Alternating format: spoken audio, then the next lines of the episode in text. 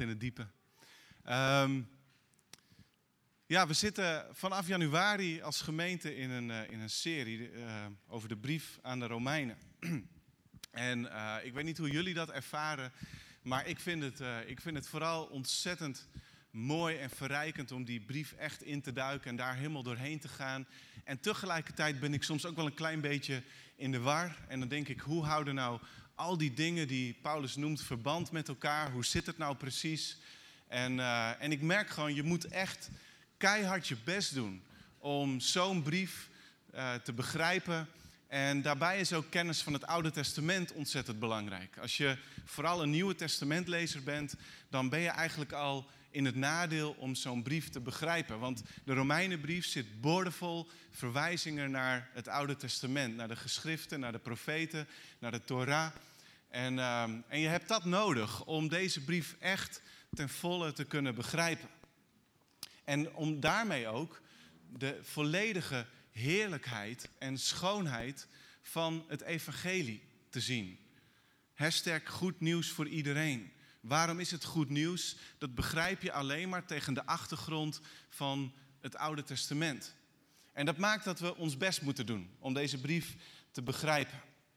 Mooi was het vorige week toen we in Romeinen 8 zo'n beetje bij de kern van Gods verhaal met mensen kwamen. Er staat in Romeinen 8, vers 1 en je zou moeten doorlezen naar vers 5, maar daar staat: Er is dan geen veroordeling meer voor hen die in Jezus zijn. Dat is, dat is, ja, dat is een hoogtepunt in de Bijbel. Dat, dat is waar het om gaat. En dat hoofdstuk eindigt dan nog met een hele serie hoogtepunten. Dat we door de geest kunnen zeggen, Abba, Vader. Dat God alles doet medewerken ten goede voor hen die Hem liefhebben. Dat we in Hem meer dan overwinnaars zijn. Dat niets ons kan scheiden van de liefde van Jezus. Het gaat naar één groot hoogtepunt in deze brief. En dan kom je bij Romeinen 9 tot 11. En dat is een ingewikkeld stuk. Dat zijn drie lange hoofdstukken.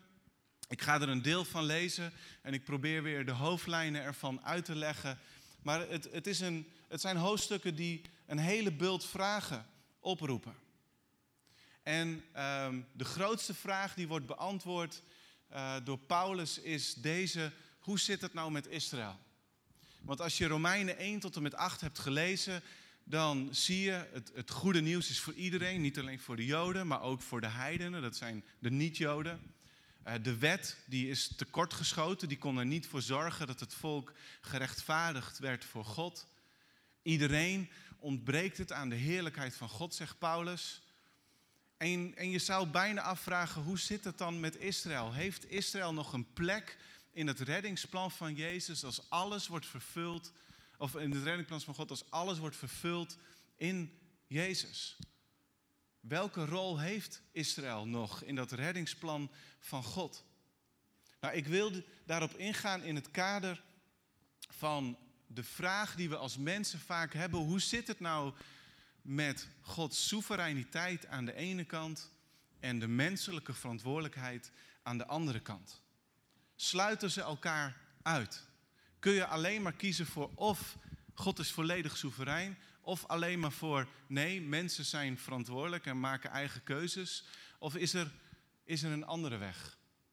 Nou, allereerst, wat betekent het precies als we zeggen dat God soeverein is? Ik heb dat zo kort mogelijk geprobeerd neer te zetten op de handout en het staat ook op het scherm. God is soeverein, dat betekent dat God heeft de vrijheid en de macht om te beslissen en handelen zonder toestemming of inmenging van buitenaf. God heeft de macht en de vrijheid om te beslissen, te handelen en niemand bepaalt dat voor hem. En dan heb je ook aan de andere kant van het spectrum de menselijke verantwoordelijkheid. Dat betekent dat mensen het vermogen hebben meegekregen en ook de verantwoordelijkheid om in vrijheid keuzes te maken. We zijn geschapen niet als robots, maar als verantwoordelijke mensen met een eigen wil, met verlangens en met keuzevrijheid. Nou, er zijn allerlei onderwerpen te bedenken waar deze twee begrippen waar we dat lastig vinden om dat samen te brengen. Waar ze tegenover elkaar lijken te staan en elkaar lijken uit te sluiten. En een van die onderwerpen is de zogenaamde uitverkiezing. Heel kernachtig gaat die discussie erover of God mensen heeft uitgekozen om gered te worden. En een aanvullende vraag daarop is dan: heeft God ook mensen uitgekozen, als hij uitgekozen heeft om gered te worden, ook bestemd om veroordeeld te worden? Actief. Met geen enkele mogelijkheid voor die mensen om daar een bijdrage, een keuze aan te leveren. De discussie gaat er ook over helemaal de andere kant. Nee, het gaat er niet om wat God doet. Het gaat erom dat mensen uh, vrije keuzes kunnen maken en zij kiezen voor of tegen God.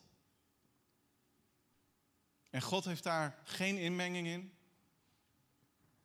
Of God heeft daar misschien wel inmenging in. Hij laat zijn liefde zien, maar de mensen zijn verantwoordelijk.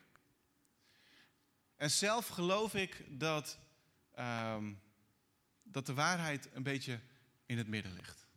En dat is, niet, dat is niet een gemakkelijke oplossing of een simpele uitweg van dan hoef ik geen keuzes te maken. Maar ik geloof het volgende over waarheid. En ook dat staat op de handout en op het scherm. Waarheid bevindt zich in het midden van de spanning. Heel vaak bevindt waarheid zich in het midden van de spanning. Je hebt twee uitersten die aan elkaar trekken en de waarheid ligt vaak in het midden. Over dit onderwerp. Je kan allerlei teksten uit de Bijbel halen waarop je op basis van je kan zeggen: redding is volledig afhankelijk van God. God heeft mensen, God heeft volken voorbestemd, uitgekozen, van tevoren gekend. Hij bepaalt precies hoe het gaat. Daartegenover kan je net zoveel Bijbelteksten opzoeken die duidelijk maken dat mensen een keuze moeten maken. Dat, ze wordt, aan hun wordt getrokken, dat ze wordt aan, hun, aan hun wordt geroepen, tot hen wordt geschreeuwd. Alsjeblieft, maak een keuze. Of het nou voor of tegen is. Maar jij bent verantwoordelijk. Jij bepaalt de richting van je leven. En die twee die moeten we naast elkaar laten staan. Die moeten we niet tegen elkaar uitspelen. Die moeten we gewoon naast elkaar zetten en dan ligt de waarheid in het midden. En om dat te illustreren, denk bijvoorbeeld aan Noach. De hele wereld heeft zich afgekeerd van God, leeft onrechtvaardig, er is pijn, er is verdriet. En God heeft daar verdriet van. En hij zegt, ik ga een einde maken aan deze wereld, ik ga de wereld schoon wassen en ik ga opnieuw beginnen. Maar hij ziet één man die met zijn gezin rechtvaardig is. En hij zegt tegen Noach, Noach, ik heb een plan. Ik ga een vloed laten komen en die zal de hele wereld uh, schoonwassen. Iedereen zal omkomen, maar ik ga jou redden. Ik ga jou hier doorheen verlossen. En dan zie je Noach al een sprongetje in zijn hart maken. Yes, God bevrijdt mij, God verlost mij, ik ga niet ten onder in die vloed. En dan zegt God, bouw een ark. Hè? Maar God, u zou mij toch redden? U zou mij toch bevrijden? Klopt, ik ga jou redden, ik ga jou bevrijden. Bouw een ark. God handelt soeverein. Maar het ontslaat Noach niet van de verantwoordelijkheid om een ark op het droge te bouwen. In een tijd dat het nog nooit heeft geregend. Denk aan Mozes. Mozes leidt het volk Israël uit Egypte, uit de slavernij. En ze staan op een gegeven moment voor de Rode Zee. En een vijandelijk, bloeddorstig leger komt achterop. En ze staan daartussen in gevangen.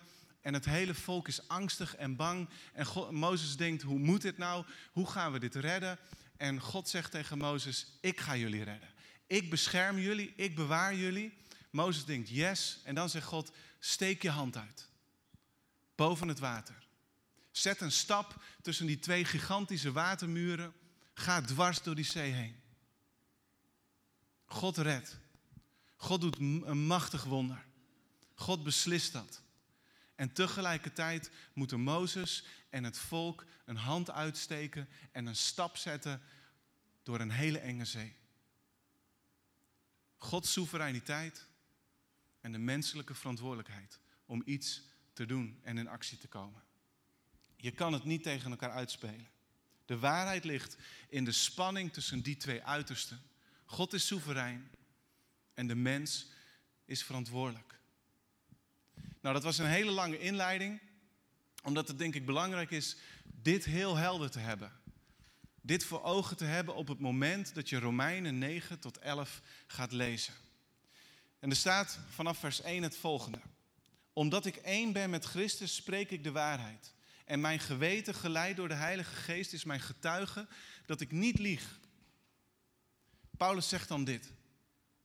Ik ben diep bedroefd en word voortdurend door verdriet gekweld. Omwille van mijn volksgenoten, de broeders en zusters met wie ik mijn afkomst deel, zou ik bijna bidden zelf vervloekt te worden en van Christus gescheiden te zijn. Paulus heeft een enorme liefde voor zijn volk. Hij heeft duidelijk gemaakt dat God mensen redt uit Joden en uit heidenen. Dat veel Joden geen goed beeld hadden van God en van Jezus. Dat de, red, de wet waar ze zich aan wilden houden, dat, dat hun dat helemaal niet lukte. En dat ze daardoor zeker niet gered konden worden. En dan zou je dus bijna denken, hij, hij verwerpt het volk Israël. Hij ziet geen plek, hij ziet geen rol meer voor Israël. Maar Paulus heeft dat alles nooit opgeschreven om dat te zeggen. Integendeel. Je ziet hier een man die echt gebukt gaat onder een diepe last, die er bijna depressief van wordt. En die lijdt onder het feit dat zijn volk de Messias niet heeft herkend. Je, je, je, denkt aan Mozes die in de woestijn, als God zegt, weet je, ik ben klaar met dit opstandige volk. Iedere keer weer lopen ze bij me weg.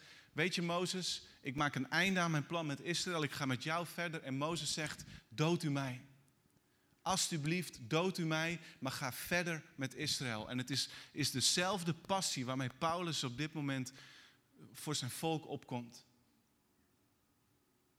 En wat volgt zijn dus hoofdstukken vol liefde, vol gedrevenheid, om iedereen te laten zien wat God vanaf het begin voor ogen had toen hij Israël uitkoos. En dan gaan we naar punt 2 op het scherm en de handout, maar het moet eigenlijk punt 1 zijn. Ik heb een foutje gemaakt. Allereerst, Gods plan was niet alleen voor Israël, maar om door Israël aan iedereen redding te geven.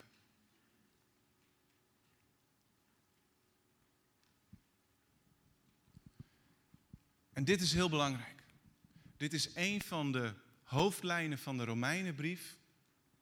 En ik denk ook van de Bijbel. God heeft een plan. God heeft een plan. God schiep een volmaakte wereld, een prachtige schepping. Hij plaatste daar de mens en die mens die was goed. Die leefde in vrede. Het was, het was allemaal compleet. Het was, het was goed in alle opzichten. En toen liet de mens zich verleiden door de Satan, door de zonde. En dat bracht pijn, verdriet, ellende, lijden, moeite en de dood in de schepping. En op dat moment introduceert God zijn reddingsplan dat hij van voor het begin van de tijd al in zijn hoofd had. En hoe dat precies zit, probeer het niet helemaal te begrijpen. Maar hij zegt, weet je, het zaad van de vrouw. En dan heeft hij het over Jezus. Jezus die als mens op deze wereld zou komen. God die mens werd. Het zaad van de vrouw zal de kop van de slang, de Satan, die dood en zonde bracht, zal die kop vermorselen. God wist het op dat moment al. Dat was zijn reddingsplan. Het spreekt over de overwinning van Jezus aan het kruis. En God beloofde dus in Genesis 3 al de Messias zonder die naam Messias nog te gebruiken op dat moment. Die Messias, wist God, zou geboren worden uit een volk dat niet heel bijzonder was onder alle andere volken. Maar God koos dat volk, Israël, om daar zijn zoon geboren te laten worden. Israël. Paulus houdt van Israël. We lazen dat net en het wordt ook bevestigd in Romeinen 10. Broeders en zusters, zegt hij daar, ik wens uit de grond van mijn hart en bid tot God dat zij, Israël, zullen worden gered. Ik kan van hen getuigen dat ze God vol toewijding dienen, maar het ontbreekt hun aan inzicht. Omdat ze Gods gerechtigheid niet kennen, proberen ze hun eigen gerechtigheid te laten gelden en verlaten ze zich niet op Gods vrijspraak. Maar, voeg ik even toe, de wet vindt zijn doel in Christus. Dus misschien wel de, dit, is de kern eigenlijk van het betoog. De wet vindt zijn doel in Christus, zodat iedereen die gelooft rechtvaardig zal worden verklaard. Israël heeft de wet gekregen om te leren leven zoals God dat graag wil. Rechtvaardig met God, rechtvaardig met elkaar. Maar ze konden helaas niet aan de eisen van die wet voldoen vanwege de menselijke zwakheid en vanwege de zonde die daar gebruik van maakt. En toch heeft vol ijver in ieder geval een deel van het volk zich altijd ingezet om zich aan die wet te houden. En daarbij verloren ze soms uit het oog waar die wet, of eigenlijk om wie die wet gaat. En toen genade dus in al zijn glorie zichtbaar werd in Jezus. En God zelf onder hen liep. En je zou zeggen, door de enorme kennis van de wet, zouden ze Jezus direct moeten hebben herkend als Messias. Herkenden ze hem niet. En verwierpen ze hem. En brachten ze hem tot aan het kruis. Net zo goed trouwens, zoals onze zonden dat hebben gedaan. Wat ze niet begrepen, zegt Paulus, is dit. Het doel van de wet is Christus. Het doel van de wet is altijd Christus geweest. De richting van Gods plannen was dit vanaf het begin om in de Messias alle mensen redding aan te bieden. Dus de dood en de komst en de opstanding van Jezus, die zijn niet een soort noodplan, maar vanaf het begin was dat het plan. Het is het hoogtepunt en het doel van Gods verbonden met Israël. En je ziet dat heel erg duidelijk in het verbond met Abraham bijvoorbeeld. Als God Abraham roept, dan zegt hij: Ik kies jou uit, ik zal je tot een groot volk maken om een licht voor alle andere volken te zijn. Om rechtvaardigheid te brengen op deze wereld. Om aan alle mensen God te laten zien. En daarom worden heidenen volwaardige leden van de familie van Abraham, als ze geloven. De afwijzing van een groot deel van Israël van de Messias is geen reden om op Israël neer te kijken. Het is reden om net als Paulus voor Israël te bidden. En we moeten het volgende weten. Er staat in Romeinen 11, vers 1 dit. Dan is nu mijn vraag: Heeft God zijn volk soms verstoten? Beslist, absoluut, helemaal niet, zegt Paulus. En dan lezen we verder in Romeinen 11. Er is, broeders en zusters, een goddelijk geheim dat ik jullie niet wil onthouden, omdat ik wil voorkomen dat jullie op jullie eigen inzicht afgaan. Slechts een deel van Israël werd onbuigzaam. En dat alleen tot het moment dat alle heidenen zijn toegetreden. Dan zal heel Israël worden gered. Zoals ook geschreven staat, de redder zal uit Sion komen en wentelt dan de schuld af van Jacobs nageslacht. Dit is mijn verbond met hen wanneer ik hun zonde wegneem. En Paulus die citeert hier Jesaja. Hij citeert de profeet. Bij Jesaja staat over Israël. Oh, dat heet, sorry. Heel even was ik de draad kwijt. Nee, Paulus citeert eerder in het hoofdstuk al Jesaja. En dan citeert hij een stukje waar, uh, waar staat over Israël dat God zegt: Heel de dag heb ik mijn handen uitgestrekt naar mijn ongehoorzaam en opstandig volk. En je kan je voorstellen dat God op een gegeven moment genoeg krijgt van zo'n opstandig en ongehoorzaam volk. En dat Israël zijn bijzondere plek in het reddingsplan van God verliest. Dat is de vraag die Paulus hier hardop stelt. En zijn antwoord is kort en helder. Zeker niet. God heeft zijn volk niet verstoten.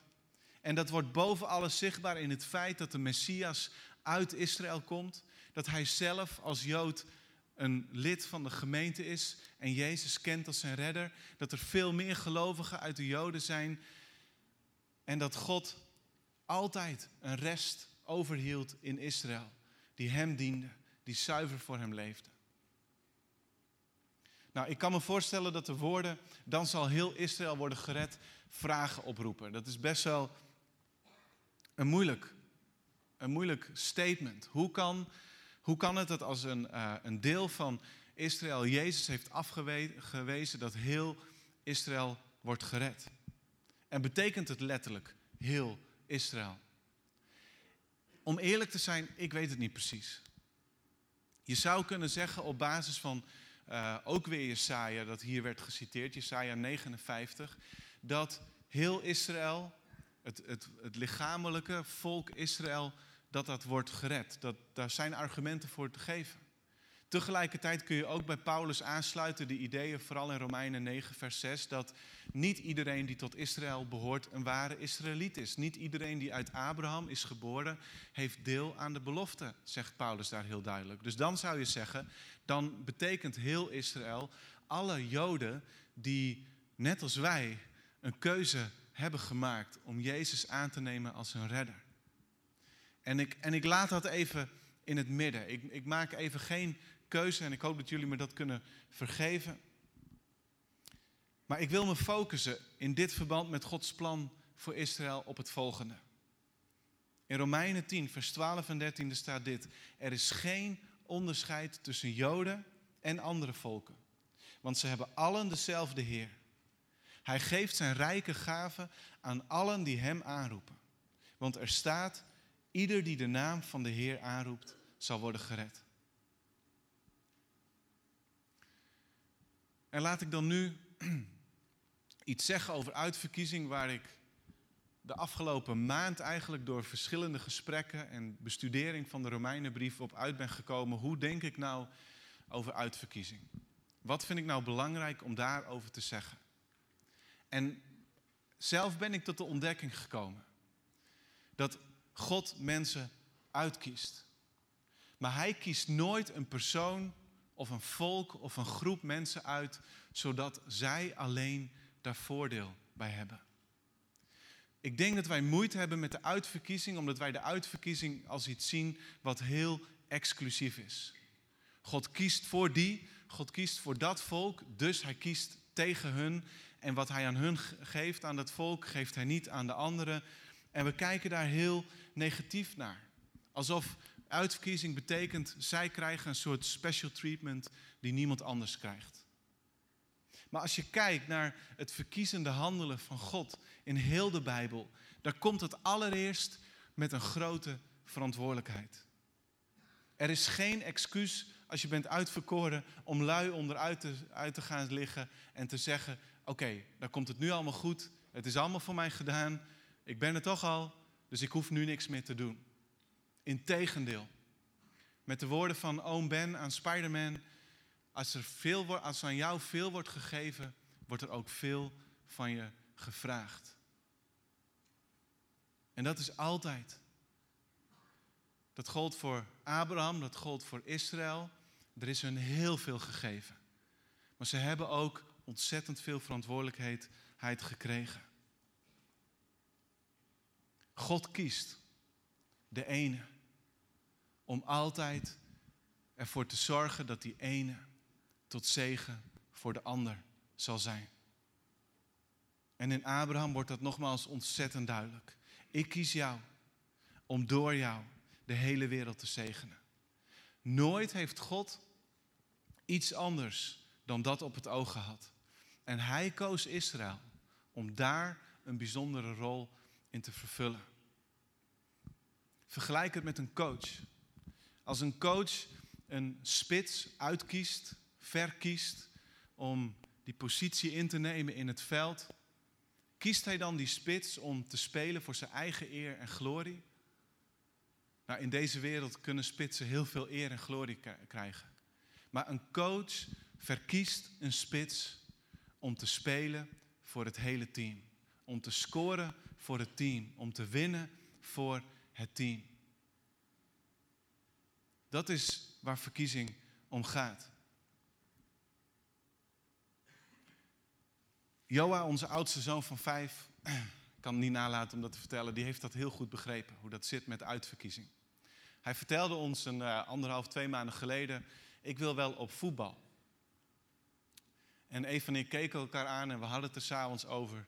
Ei, dat maakt ons wel een beetje bezorgd. Want Joa is een fantastische jongen, maar hij is gewoon, zijn motoriek is niet fantastisch. Zijn oog-voetcoördinatie, uh, zijn broertje van twee, die school beter dan hij. Hij beweegt een klein beetje onhandig. Als hij op voetbal gaat, ah, weet je, volgens mij redt hij dat niet. Volgens mij is hij er na één keer klaar mee dat, dat leek ons nogal spannend. Dus de volgende dag, ik bracht hem op bed en ik zei: Joa, je zei dat je op voetbal wilt. Wil je echt op voetbal? Ja, hij, zei hij. En ik heb daarover nagedacht. Want kijk, het zit zo met voetbal. Dat je speelt in een team en altijd heb je een paar mensen die heel erg goed zijn. En als die goede mensen scoren, dan wint het hele team. Dus dan win ik ook. En toen dacht ik, ah, slim het. Jij hebt het goed begrepen. Ik denk dat hij het liefst gewoon op de bank zit en wat drinkt en toekijkt hoe het team wint en hij ook de kampioenschaal omhoog tilt. Dat, dat, dat denk ik. Maar hoe mooi is het als een coach, zijn toekomstige coach, een spits kan uitkiezen om in vooraan te staan, een goal te scoren en de overwinning te behalen voor het hele team. En dat is uitverkiezing. Dat wil ik duidelijk maken. Er is geen volk als het volk Israël. Zij spelen een unieke en bevoorrechte rol in het plan van God. En God heeft Israël uitgekozen. Maar niet alleen voor Israël zelf. Maar vooral om door Israël de hele wereld te zegenen. Om redding aan te bieden aan alle mensen. Israël was gekozen om een licht voor alle volken te zijn. En uit Israël is daarom de redder, de Messias, de Heer geboren, waarin alle onderscheid tussen Joden en heidenen wegvalt. Uitverkiezing is iets prachtigs. Ten tweede, en ik ga sneller door deze punten. Er staat Gods plan schakelt jou niet uit, maar schakelt jou in.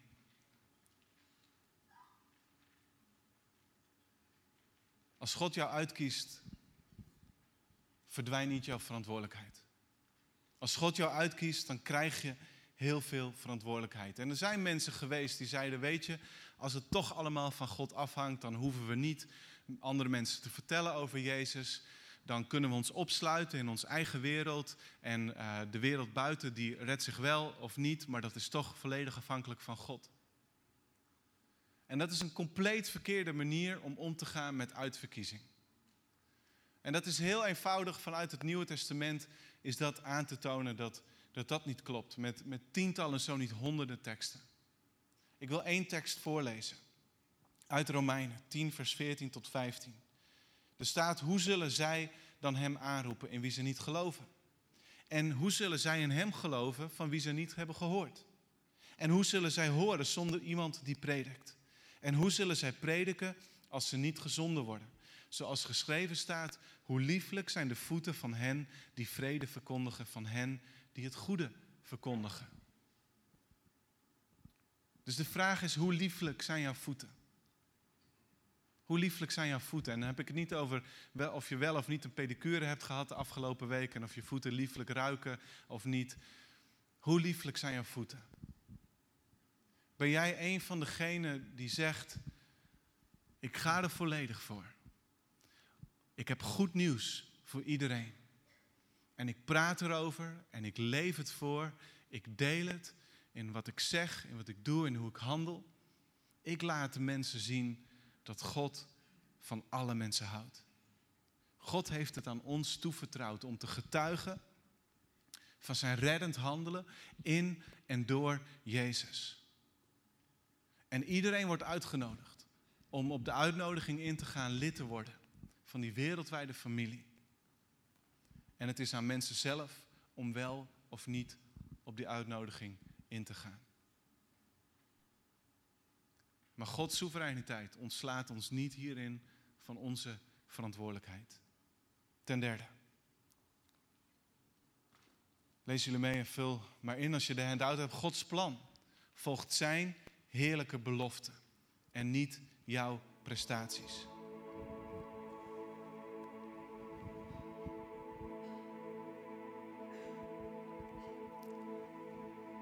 Ik ga nog even een van de allermoeilijkste gedeelten van de Bijbel lezen. Wat sommige mensen kwaad heeft gemaakt in de kerkgeschiedenis. Er staat in Romeinen 9, in een aantal versen. God heeft zijn belofte niet gebroken. Want niet alle Israëlieten behoren werkelijk tot Israël. Niet alle nakomelingen van Abraham zijn ook werkelijk zijn kinderen. Er staat immers geschreven: alleen de nakomelingen van Isaac zullen gelden als jouw nageslacht. Dat wil zeggen, ze zijn niet door hun natuurlijke afstamming kinderen van God, maar gelden als nageslacht van Abraham op grond van Gods belofte. Gods besluit blijft namelijk van kracht. God kiest een mens niet op grond van zijn daden, maar omdat hij hem roept. Zo staat er ook geschreven: Jacob heb ik lief gehad, Esau heb ik gehaat. Moeten we dan zeggen: God is onrechtvaardig? Natuurlijk niet. Hij zegt immers tegen Mozes: ik ben, ik ben barmhartig voor wie ik barmhartig wil zijn.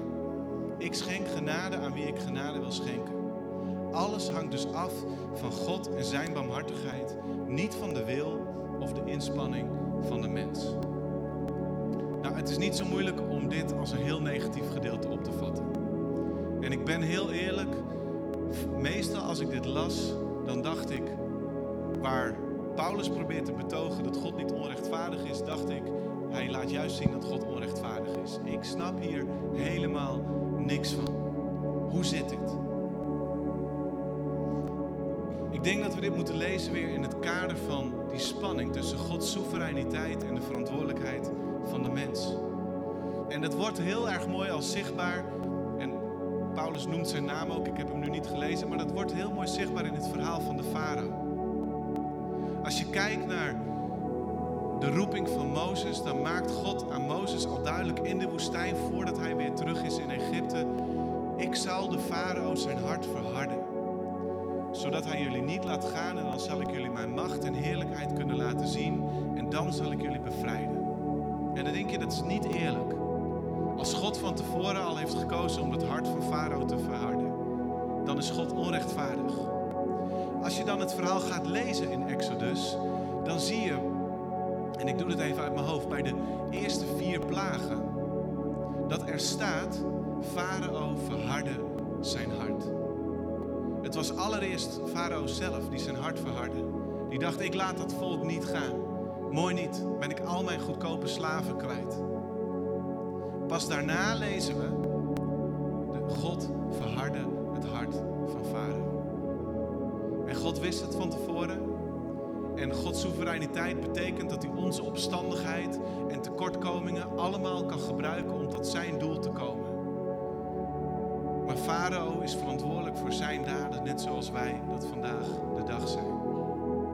En zo blijven soevereiniteit en menselijke verantwoordelijkheid in een hele bijzondere spanning naast elkaar staan. Zit, maar hoe zit het dan met die vreselijke woorden? Esau heb ik gehaat en Jacob heb ik lief gehad. Nou, we kunnen deze woorden niet begrijpen als we niet de achtergrond van dit taalgebruik weten. Als we het grote verhaal uit het oog verliezen. Allereerst, gehaat betekent hier niet wat het in het Nederlands betekent. Het is een Hebreeuwse manier van zeggen, God kiest het een boven het ander. Het gaat om volgorde. Wat komt op de eerste plaats en wat komt op de tweede plaats? Het heeft niet met emotie te maken. Het is Gods verkiezing. En we moeten daarbij gewoon eerlijk zijn tegenover God. Dat Edom, de nakomelingen van Esau, absoluut niet uit het oog verloren zijn. Al in de wet zegt God tegen het volk Israël: zorg goed voor jullie broeder Edom.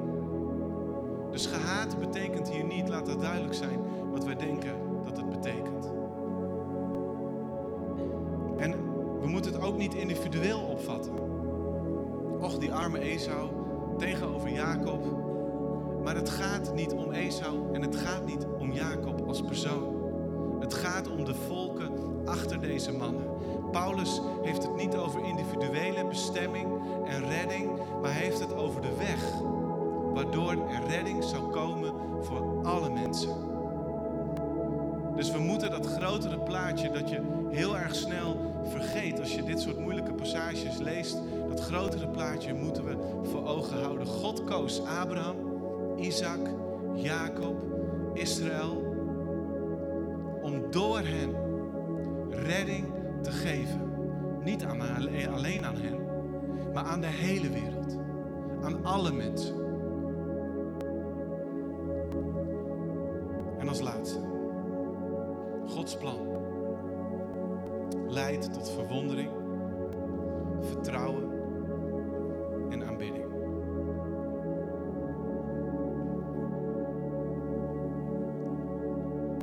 We hebben vandaag een paar hele moeilijke teksten gelezen.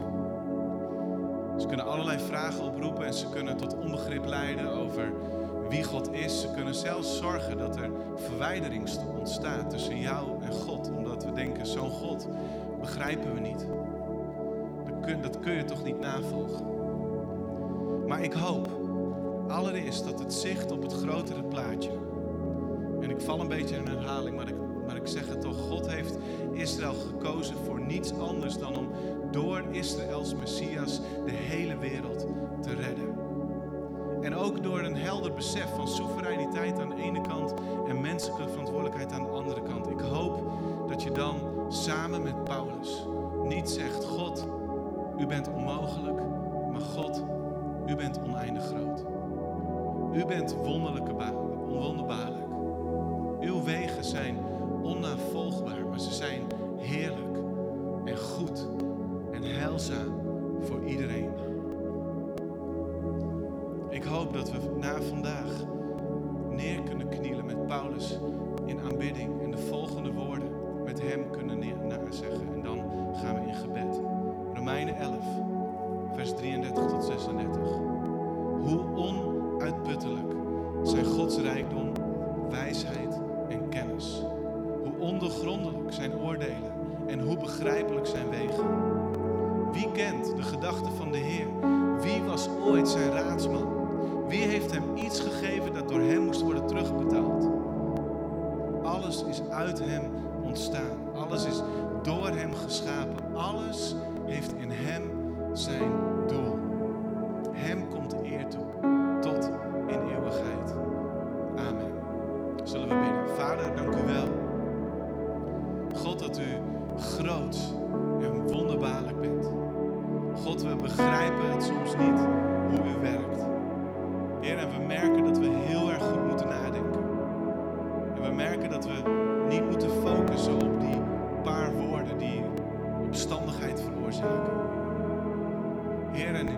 Bid, Heer, dat we het grotere plaatje mogen zien. Dat we zullen begrijpen